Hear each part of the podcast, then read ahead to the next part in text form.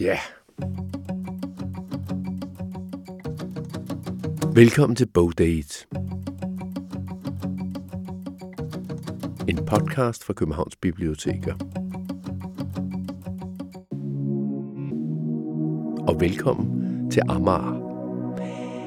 Den del af København, som ikke er en del af København, men som er helt sig selv. Det mener man i hvert fald, hvis man kommer fra Amager.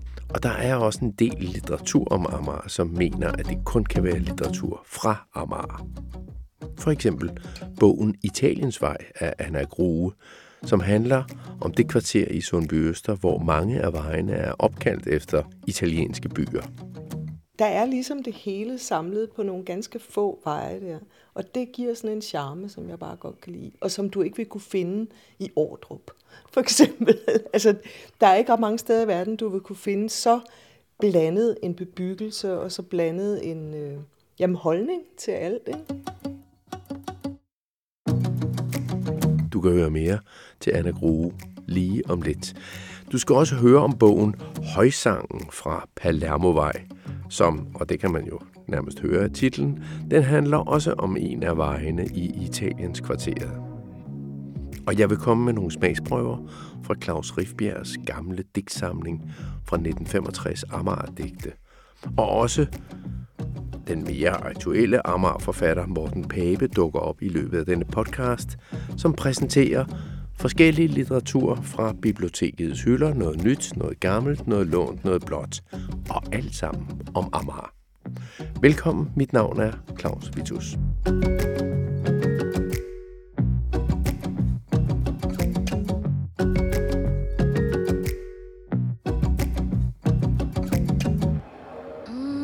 Den første, som jeg opsøger i min jagt på Amager-bøger, er forfatteren Anna Grue, som i dag bor i Holbæk. Hun er kendt som krimiforfatteren bag serien om Dan Sommerdal, som også danner grundlag for en tv-serie. Anna Grue har også skrevet på en trilogi, der handler om en italiener, der kommer til Amager i 1958. Ikke en krimi, og måske alligevel. Det vender jeg tilbage til, men først altså på besøg hos Anna Grue og hendes hund Billy i deres hus i Holbæk. Og hendes mand Jesper spøger også i baggrunden. Han er ikke hjemme, men han har en funktion i interviewet. Okay, yeah. Jamen, hvad er dit forhold i virkeligheden til Amager? Amager. Øh, jeg er gift med en mand fra Amager. Øh, og han har altid sagt, at han ville gerne bo alle steder i København, bortset fra Amager. Det var en livslang kamp for ham at forlade den ø og komme ind til det, han synes var det rigtige København. Jeg tror, det er meget almindeligt for, for unge mennesker, ikke? at man vil væk derfra, hvor man kommer fra. Og det vil jeg også. Jeg er fra Jylland, eller nærmere, jeg er født i Odsherred, og vokset op i Randers og i Aalborg, og jeg kunne simpelthen ikke komme hurtigt nok til København. Altså, jeg skulle bare væk, ikke? Men i mange år, der holdt vi os fuldstændig fra Amager, fordi det havde, altså jeg kendte jo ikke byen som jyde, vel?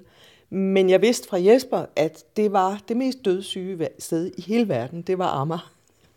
Og så, øh, jeg har altid været sådan en, der godt kan lide huse. Ikke? Jeg kan godt lide at købe huse, jeg kan godt lide at sælge huse, jeg kan godt lide at sætte huse i stand. Så derfor på det her tidspunkt havde vi allerede været sammen i hvad? Øh, over 20 år i hvert fald. Øh, hvor vi skulle flytte, synes vi. Øh, fordi det hus, vi havde på Frederiksberg, var blevet for stort og så videre. Og så fandt jeg en annonce i øh, et, et eller andet, en eller anden hjemmeside, med et hus, der lignede sådan en Pippi Langstrømpe villa. Og jeg vidste jo ikke stadigvæk noget som helst om Amager, så jeg råbte ned til Jesper, hvor ligger Samersvej? Og så sagde han, det er på fucking Amager. Så sagde jeg, vil gerne se det hus der. Så tog vi derud, og så forelskede vi os begge to i det. Det var et usædvanligt dejligt hus. Og jeg vil sige, hvis vi ikke havde haft en hel masse logistiske problemer med, hvor vi bor nu, og sommerhus og alt muligt, så var vi blevet boende, fordi det kvarter der, og det hus var fantastisk. Men hvad var det med kvarteret? Ja, men For det, det er jo i Italiens, øh, ja. og det er, Samos er jo det øh, det. godt nok græsk. Øh, ja, men de hedder sådan noget de... Samersvej og Korfuvej og Kretavej og sådan noget lige der omkring. Ikke? Og hele det område, også Italiens vej, altså det er, øh, det er de der lande og byer, det, det handler om. Det, der er specielt ved Sundby Øster, fordi det er jo i Sundby Øster, det her, det er, at det er, det er et gammelt øh, villakvarter, som var noget af, det, det blev indlemmet i Københavns Kommune i 1902, så rigtig mange af husene stammer fra 1902. Og det giver sådan en helt særlig karakter. Det, jeg så synes er fantastisk, det er, at de der romantiske, ret store villager er så afbrudt øh, af etageejendomme, der er kommet til langt senere, fordi folk har udstykket deres grunde. Ikke? Så der er tofamilieshuse, der er småindustri, der er etageejendomme, der er kæmpe kasser. Der, der er ligesom det hele samlet på nogle ganske få veje der. Og det giver sådan en charme, som jeg bare godt kan lide, og som du ikke vil kunne finde i Ordrup, for eksempel. altså, der er ikke ret mange steder i verden, du vil kunne finde så, eller i Danmark, hvor du vil kunne finde så blandet en bebyggelse, og så blandet en øh, jamen, holdning til alt. Ikke? Jeg synes, det er et ret fantastisk sted. Men var det, var det så i virkeligheden det, der gav dig inspirationen til Ja, ja, men helt klart. Helt klart. Altså, vi havde dengang to Cocker Spaniels, og de skulle jo luftes, fordi det skal sådan nogen. Og øh, der er det klassisk for hele det kvarter, at man går ned på Italiens vej. Det er en meget bred vej. Det er faktisk en boulevard, selvom sådan nogle fine ord bruger vi ikke derude.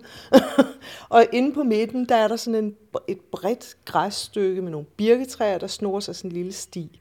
Og for mig, der er landbo af sind, der lignede det faktisk sådan et lille bitte stykke skov midt i alt det der villa -halløj.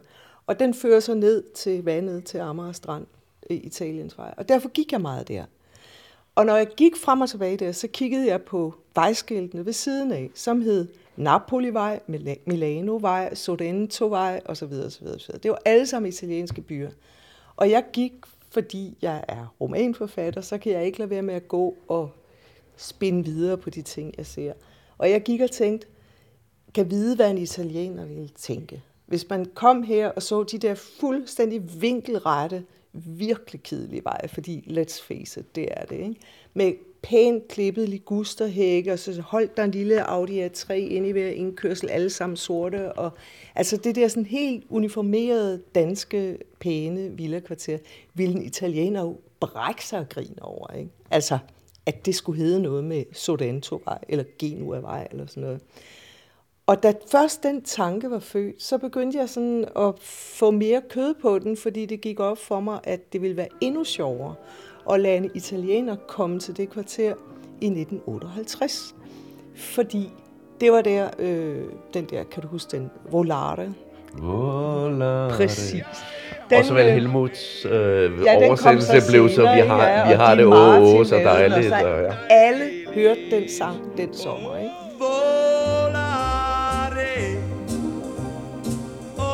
Øhm, og Italien blev noget af det smarteste. Den blev kun nummer tre i Grand Prix. Det er stadig en skandale, der er ingen, der forstår det, men det var jo den, der blev verdenshittet. Ikke? Og stadig er det. Det er en fantastisk sang. Og det gjorde, at Italien pludselig fik sådan en... Der var sådan noget romantisk og spændende over det. Og så tænkte jeg, at det er et godt år at lade Italien og Danmark mødes. Og samtidig, hvis du går tilbage i 50'erne, så kan du som italiener ikke komme til at lave ordentlig mad på Amager. Fordi der er jo ikke et eneste sted, hvor du kan købe et hvidløg eller olivenolie eller rigtig mad, vel? Altså, det er jo margarine og hvidkål, det hele, ikke?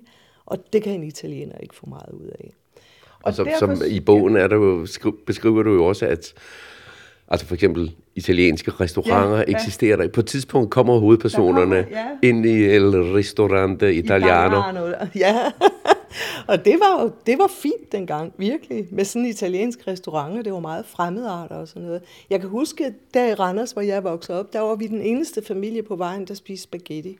Altså alle de andre synes det var dybt mærkeligt. Og så var der engang en af vores unge piger, hun skulle lave spaghetti til os om aftenen, fordi mine forældre var ude et eller andet sted.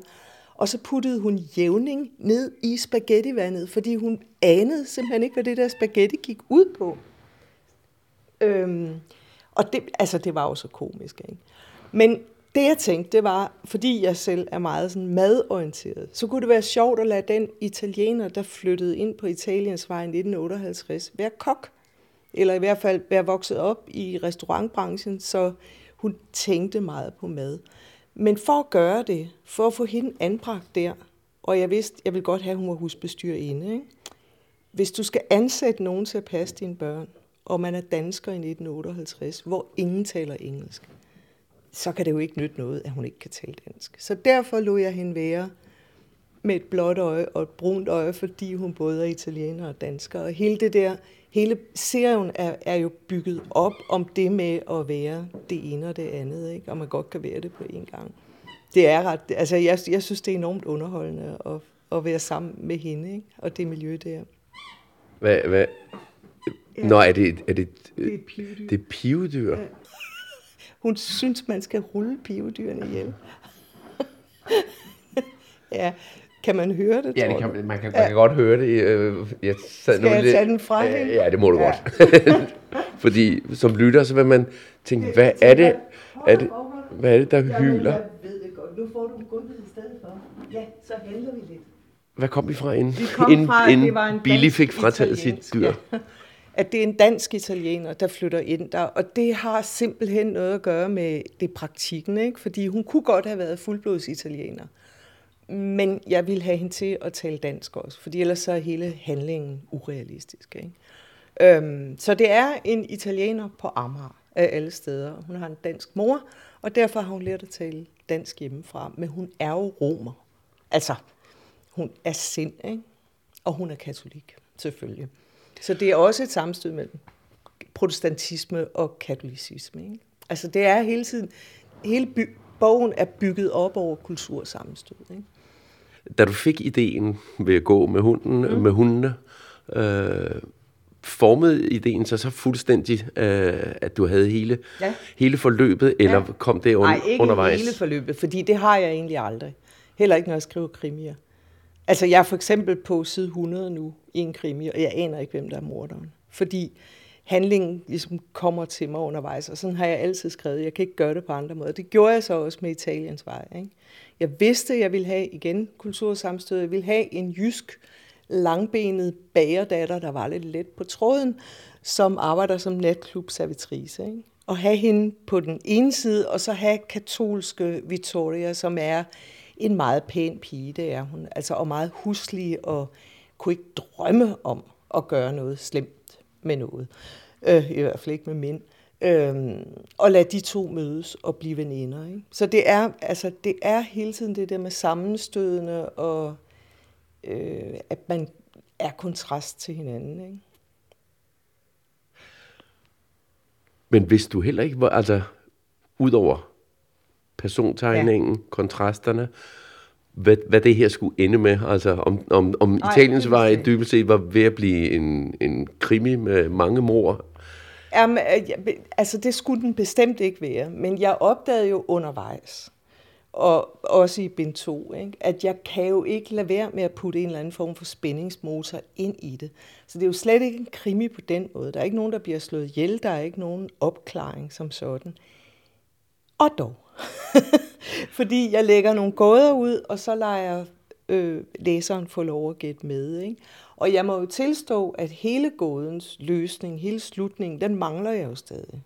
Altså den er i det bind 3, der ikke er skrevet endnu. Og læserne ved det godt, og rykker for det her bind 3. Jeg må bare sige, at det kommer, når det kommer.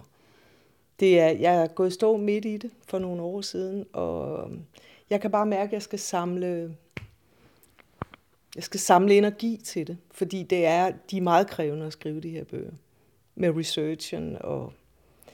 Jo, men også fordi det er en stor historie. Altså, ja, jeg synes, det er svært. Men altså, når bind 3 kommer, og det gør den på, forhåbentlig på et eller andet tidspunkt, ikke? Så, så vil læserne ligesom få øh, krøllen på hele den her historie. Ikke? Fordi der er jo en spændingshistorie. Ikke? Der er jo noget med den der lille dreng, hun har liggende på bagsædet i bilen, og hvor kommer han fra, og hvad er det for noget alle sammen. Ikke? Men det forlæg, du så allerede nu har til, til, til bind 3, er det, vil, vil det så være noget, du går tilbage til og skriver videre på, eller smider du det, det hele det, i skrevet? Nej, det gør jeg ikke. Jeg, jeg tror, altså, jeg er ret sikker på, hvor jeg vil have den hen, og at jeg er gået den rigtige vej. Der er nogle ting, jeg vil lave om, men det, det er små ting. Jeg er gået i stå midt i en fuldstændig fantastisk morsom scene, hvor Connie, den langbenede bagerdatter fra Langå, smadrer en italiensk bar.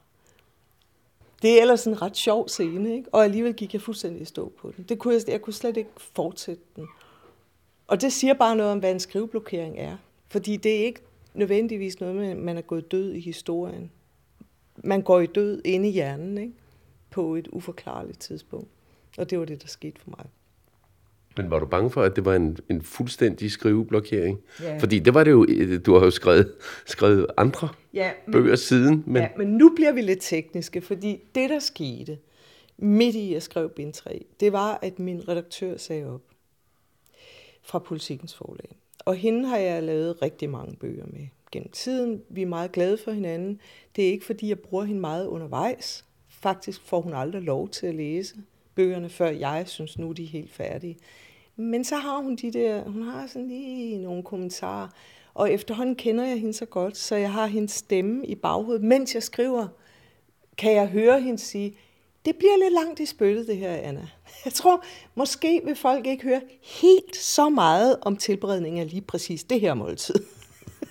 og det, og det, er, det opdagede jeg, mens jeg sad der og skrev, og hun havde sagt op, opdagede jeg, hvor meget jeg savnede hende.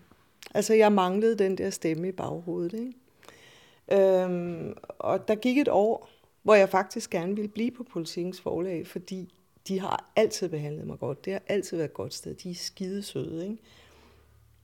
Men jeg savnede simpelthen min redaktør. Det, det lyder pjattet, men sådan er det. Så satte vi os ned og spiste en frokost. Hende og mig og min agent og direktøren for forlaget derinde, Linhardt Ringhoff, hvor hun var kommet ind, og blev enige om, at jamen, så gjorde jeg det. Så tog jeg hoppet og kom over til hende igen. Og i det øjeblik, vi sad ved forretten, vidste jeg pludselig, hvad jeg ville skrive nu, fordi jeg ville selvfølgelig skrive om Anne Maj. Jeg ved ikke hvorfor, men hun stod fuldstændig klar inde i hovedet på mig, og det er jo en parodi på mig selv, Anne Maj. Ikke? Og det skulle være i Odsherred, hvor jeg også selv bor, i Nykøbing Sjælland, hvor jeg er født. Det er, altså, vi har hele den der, øh, for første gang skriver jeg egentlig om mig selv, og mine egne nære omgivelser, og kan tage sådan, altså, jeg tager meget pis på mig selv, hvis vi du skal være ærlig, ikke? Altså, hun er en parodi på mig, ikke? Jeg forstørrer alle mine andre, egne fobier og så videre. Det er, det er faktisk rigtig, rigtig underholdende at skrive den serie.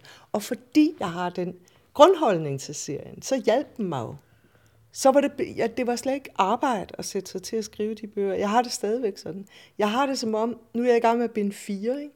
Jeg har det som om, at hver eneste linje, jeg skriver, det er sådan en del af en helbredelsesproces oven på den der skriveblokering. Ikke? Men hver gang jeg tænker på det der Italiens bind 3, så tænker jeg, åh, ah, det er nok, og sådan noget. Og derfor ved jeg, jeg, jeg skal tage det roligt og bare vente, fordi det kommer. Lige pludselig kommer det. Og så, fordi jeg kan godt mærke, at det begynder så småt, du. At jeg har lyst til at læse Italiens vej igen. Ikke? Det er alligevel været syv år siden, den blev udgivet. Ikke? Og, og de voksnes rækker, hvad er det? Det er fem år siden. Ikke? Så de begynder at være så meget på afstand, så det vil være noget, jeg kunne få noget ud af og læse dem forfra igen. Og jeg ved, i det øjeblik, jeg gør det, så begynder bind 3 at samle sig ind i hovedet på mig igen. Ikke? Det skal nok blive til noget. Men du sagde, at, at folk skriver til dig mm. ja. øh, om, hvor er bind 3, eller mm. hvad, hvad, hvad, hvad sker der? Ja. Er, er, det, tager du det man kunne sige, lidt ilde op, eller er det, Nej, betragter du som, okay, det er, det er rart? men det, jeg vil sige, det kommer lidt an på ordvalget. Men hvis folk skriver, øh, jeg har lige læst uh, Italiens vej de voksne rækker en gang til, og jeg er simpelthen så nysgerrig efter, hvor alt det her hænder. Så er det klart, så bliver jeg enormt glad, ikke? Og de får også et brev til gengæld, du ved, hvor jeg forklarer, hvad det er, der sker, ikke? Og det er ikke ond vilje, eller fordi jeg ikke interesserer mig for Victoria og Connie mere.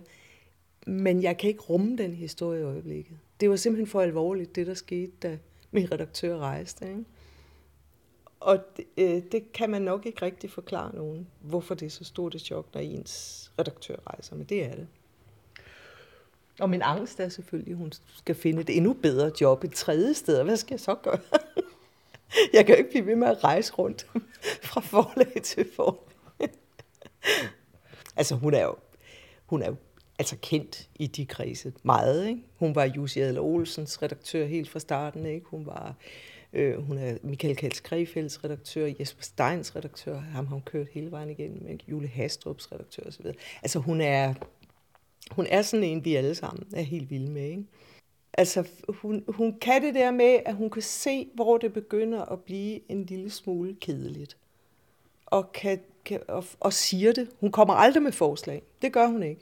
Altså, man skal ikke tro, en redaktør skriver i ens bog. Hende her, hun gør i hvert fald ikke. Hun siger, her begynder det at blive lidt langt i spyttet. Prøv lige at kigge på det igen. Der er noget med tempoet her, som ikke... Og, og det er nok, at hun siger det. Ikke? Går jeg hjem og arbejder med det. Og der er hun enormt skarp. Ikke? Hun hedder Anne Christine Andersen. og burde få en mindeplade. hun får her med en hyldst, øh, pod, hyldst podcast. Ja. Øh.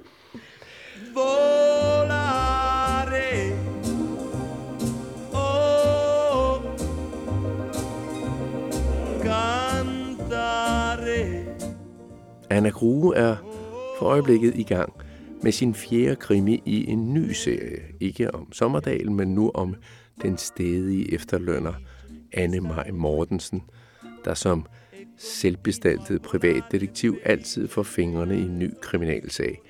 En person, altså Anne Maj Mortensen, som ligner Anna Grue meget. Det siger Anna Grue i hvert fald selv. Den seneste bog i serien er Nøglen til mor fra 2022, og den handler om ejendomsmaler, om sugar dating og om mor. Men altså ikke på Amager, men nu placeret på Anna Grues nye hjemmeegn på Vestjylland. Tilbage til...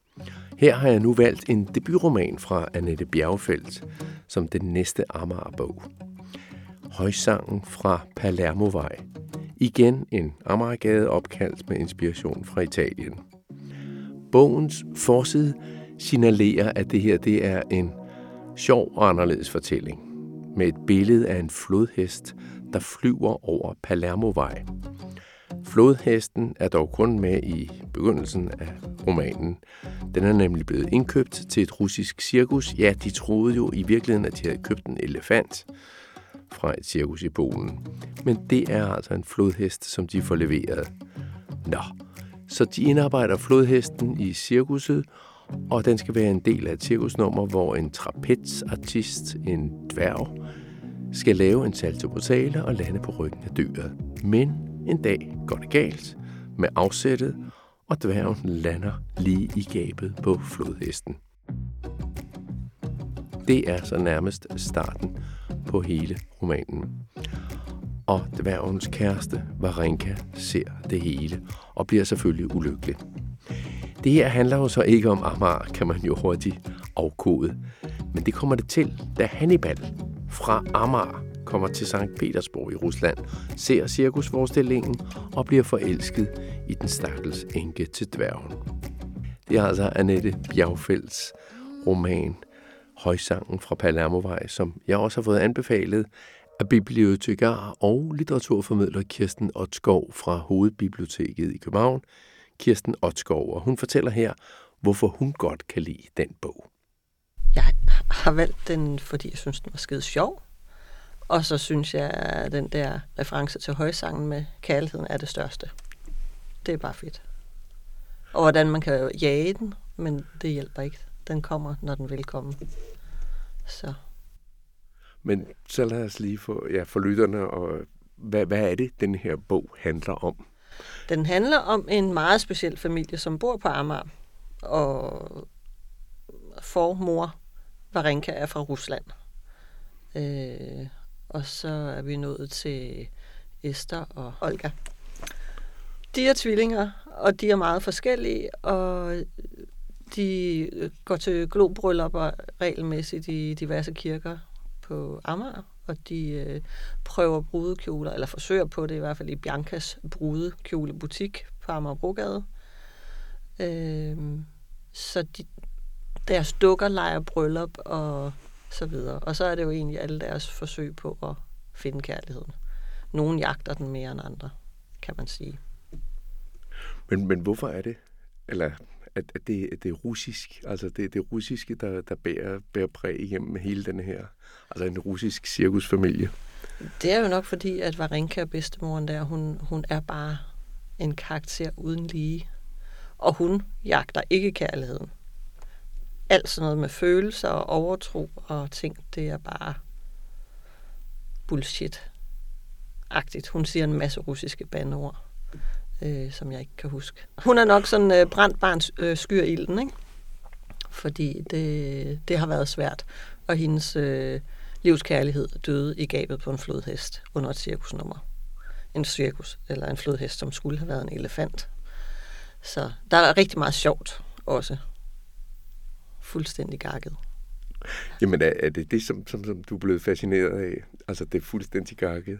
Også det, ja. Jeg tænkte sådan lidt, der er sådan lidt øh, verden ifølge Garp, eller Hotel New Hampshire over karaktererne. Og skør handling, og der er magisk realisme ala sydamerikanske forfattere fra 80'erne der. Der er mange ting, som øh, synes jeg er fedt. Plus helt almindelig hverdagsrealisme med at ligge i rendestenen og brække sig efter at have været lidt for meget bedruk. Men tilbage til, til det der med Amager. Altså, hvor, hvor stor en rolle spiller Amager egentlig i, i denne her den, altså, den Palermo, Palermo-vej er jo en vej ud på... Øh... Ja, den ligger 300 meter fra, hvor jeg bor, sådan cirka, eller 500 måske. Så Amager spiller en rolle som det her lokalsamfund, hvor man kender hinanden. Altså slagter Lili, som er datter af slagteren, og ja, øh, hende der, som senere bliver Miss et eller andet, som egentlig er tykke Lolita fra Parmagade, eller hvad det nu er. Øh, og bedstemor, som tager på Tornbybanen og går til hundevedløb. Mor, der er stewardesse og har det der link ud til Kastrup Lufthavn på en eller anden måde. Der, der er sådan flere ting, men det er ikke kun Amager. Det er også Christianshavn, og det er gå i det kongelige teater og høre opera og mange andre ting. Paris er med og så videre. Men nu er du selvfølgelig farvet af, at du selv bor der, men... men... Jeg er ikke siljyde. Jeg har kun boet der i 12 år. Okay, fordi spørgsmålet er, om man skal have boet på Amager for at forstå alle referencerne. Nej, det tænker jeg ikke, man skal. Nej, det er ikke nødvendigt. Synes jeg ikke. Øh, altså ligesom jeg kan læse en bog, der foregår i Rødovre. Jeg har måske været i Rødovre en gang i mit liv. I Rødovre Centeret. Så nej, det er ikke nødvendigt. Plus, Men plus det at, at, at, at det angiver jo også en tidsperiode, fordi det, vi har Beatles indover også. Ja, ja, det synes jeg faktisk også er rigtig fedt, at der bliver inddraget forskellige ting, der sker i verden med månelandinger og hunden Leica, og det især i forhold til store søsteren, som interesserer sig for verdensrummet. Øh, ja, og øh, moren, som får forudanelser om ting med bombemanden, der springer telefonboksene i luften. Det kan jeg jo huske fra da jeg var teenager, at det var sådan, åh, nu bliver alle dørene pillet af telefonboksene, i København i hvert fald. Der sad jeg trygt i Jylland, så det var ikke så aktuelt der. Øh, og hvad er det? Det der gasbeholder, der springer i luften i Valby og blæser alle vinduerne ud i kvarteret. Så det, ja, det er sjovt. Det giver nemlig sådan en helt anden stemning af, af tiden, end hvis ikke det var blevet draget ind. Men så i virkeligheden med det så en, en, en anbefaling af denne her, som, hun, hun, som hun selv kalder det en, en saga fra, fra Amager. Ja, men der er det vel også over flere generationer og dramatisk historie og så videre, som er en saga værdig.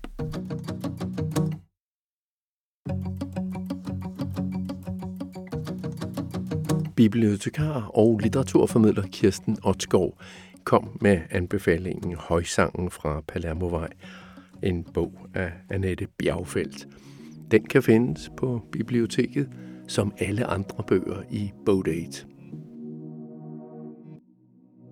Når jeg spurgte rundt blandt kolleger, om kender en bog, der handler om Amager, eller som tager udgangspunkt i Amager, så sagde alle sammen Amager-digte af Claus Rifbjerg.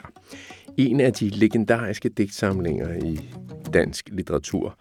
Og da jeg læste den igennem, viste det sig i virkeligheden, at det ikke bare var digte, det var nærmest beskrivelser af forskellige steder på Amager.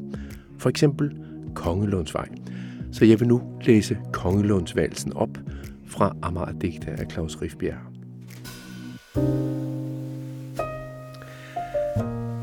Hvis jeg kunne skrive en vals om kongelunden, ikke en med i og skal brylluppet stå, men en ny en, om dengang min søster kom hjem fra Frankrig i 1938 og ville have mig til at være kommunist.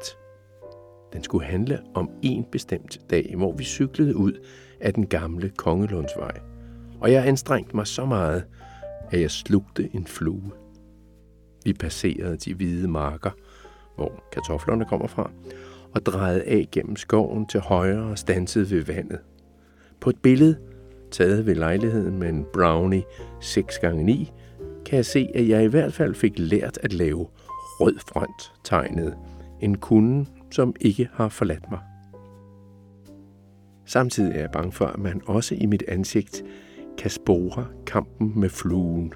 Jeg vil dog fraråde enhver at lægge nogen ideologisk symbolik i den kendskærning, at jeg gik hjem og kastede meget inderligt op. Valsen skulle ikke blot handle om min kommunisme 1938 og kampen med den indvendige flue, som heller aldrig er ophørt, men også om en nattergaletur langt senere. Ind i musikken og versene skulle vikles en række fuglestemmer, foruden de almindelige solsort, drossel, nattergal selvfølgelig, og senere lærke og også en ules og en natravns. De kom nemlig flyvende fra hver sin side og var meget usædvanlige og uventet i morgens lys af spindelvæv. Men deres stemmer går ikke rigtig i en vals, og selvom slutningen, to menneskers forening i et dukblinkende høstakknald, nok er i overensstemmelse med traditionen, er jeg ikke i stand til at skildre akten en extenso i en kongelånsvals. Men vi fløjtede et eller andet ubeskriveligt på cyklerne hjemad.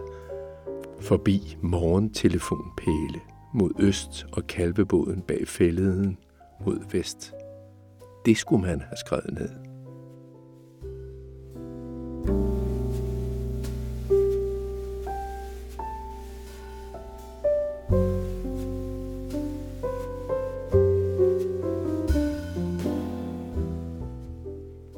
Det var Kongelånsvalsen af Claus Rigsbjerg fra Amager-digte fra 1965. Og når man snakker om bøger fra Amager, så er man næsten nødsaget til også at snakke om Morten Pape. Morten Pape har udgivet en trilogi, altså tre bøger om Amager. Den første, Planen, den næste, Guds bedste børn, og den seneste, I ruiner. Og i månedens forfatter podcast, som Københavns Bibliotek også laver, fortalte Morten Pape for et halvt års tid siden om lige præcis de tre bøger. Man kan sige, at jeg tror, at i de to første bøger, så er det meget sådan sammenlignelige miljøer. Det første omhandler mit barndomskvarter, Urbanplanen, som jo nærmest er en hovedkarakter i sig selv i den bog. Øhm, den anden bog springer det andet sted hen på Amager, et sted, som var meget sådan øh, mytologisk for mig, som var mm. håndbladsgadekvarteret, som også, altså i dag er det en, en ret sådan fin, god gade med rigtig mange caféer og restauranter, men midt på Håndbladsgade er der også et stort øh, rødt murstensbyggeri fra 70'erne, vil jeg tro på, som, øh, som var der, hvor den rivaliserende bande holdt til. HBG'erne, håndbladsgadedrengene, vi var UP'erne fra Urbanplanen. Og det er der, hvor at, øh, noget af min anden roman, øh, Guds bedste børn, finder sted. Den finder også sted i Hørgården, som er en øh, søsterbebyggelse til Urbanplanen, som er nøjagtig samme arkitektur. Så det er ligesom sådan taget forskellige steder hen på Amager, men i nogenlunde sammenlignelige miljøer. Og det havde jo været meget nærliggende på en eller anden måde at runde, runde træerne af med, med, med at finde et, et, et, et andet sammenligneligt øh, kvarter. Men det blev jeg lidt, øh, lidt påpasselig over for, fordi at jeg blev bange for at komme til at blive sådan lidt lidt malig, og måske tænke, nå, nu har jeg udgivet to bøger, som foregår i de her områder.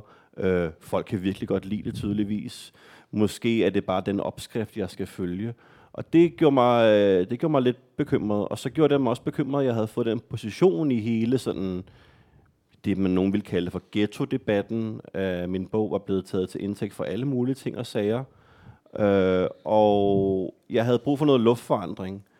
Og jeg havde også brug for nogle karakterer, der måske havde lidt flere penge på lommen.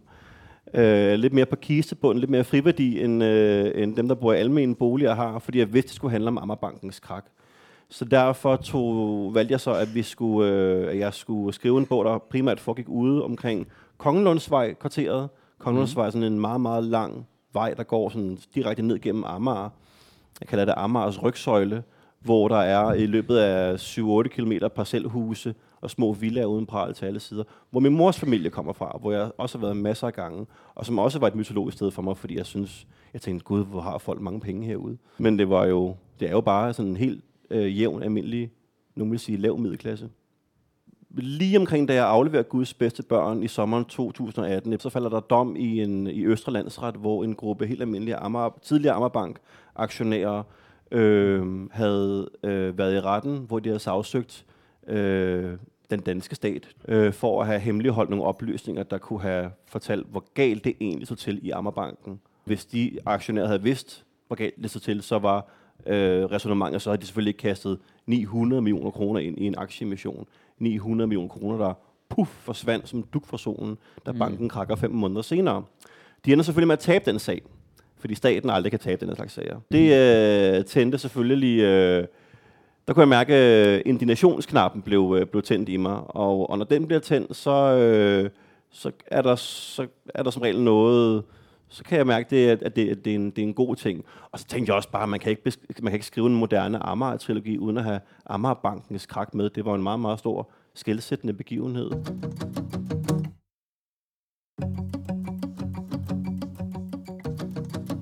I ruiner om Amagerbankens krak, den tredje bog fra Morten Pape, hvor amerikanere beskrives. Og hele interviewet med Morten Pape kan findes i den podcast, der hedder Månedens Forfatter, som du finder på Københavns Bibliotekers hjemmeside, og du leder under den fane, som hedder Lyd. Der ligger alle de podcast, vi laver, og hvis du så kigger under Månedens Forfatter, kan du finde hele interviewet en time med Morten Pape om I ruiner og de andre bøger. Og hermed er det ved at være slut med Bodates gennemgang af bøger om Amager, men jeg vil dog lige tage en enkelt en med her i slutningen. Det er Henriette Carlsen, som har skrevet Amager Halshug, og det er hendes meget barske, personlige egen fortælling om et systembarn, som vokser op på Amager. Det er derfor, den hedder Amager Halshug. Om hvordan hun ja, løb på parter gennem Amagers gader, og hvordan hun havde fået nok af de voksnes druk og vold. Og den bog har et forord af Morten Pape, hvor han skriver, Henriette Carlsens livsfortælling er historien om alt det, vi helst ikke vil kendes ved, eller ikke aner, at vi bør forholde os til som medborgere i et udadtil trygt og velfungerende velfærdsland. Henriettes fortælling er et sammenkog af et pigeliv fuld af vold i alle dens brutale og nærmest kreative facetter. Vold i hjemmet, voldelige parforhold og venskaber, vold begået af dem, der skulle beskytte og hjælpe hende, vold fra statens og myndighedernes side, psykisk vold fra alle kanter, spiraler af svigt, af misbrug, spiraler af reproducerende vold og menneskelige pinsler. Og det er altså bogen Amager Halshug af Henriette Carlsen. Hermed er det slut på Bogdates gennemgang af bøger om Amager. Mange forskellige facetter, fra digte til ro fortællinger, til fantastiske fortællinger, til Anna Grues Italiens vej, som hele denne her Bogdate startede med. Tak fordi du lyttede med på denne Bodate. Du kan finde flere Bodate, hvor du også har fundet denne her, og der kommer en cirka en gang om måneden. Mit navn er Claus Vitus. På genhør i næste Bogdate.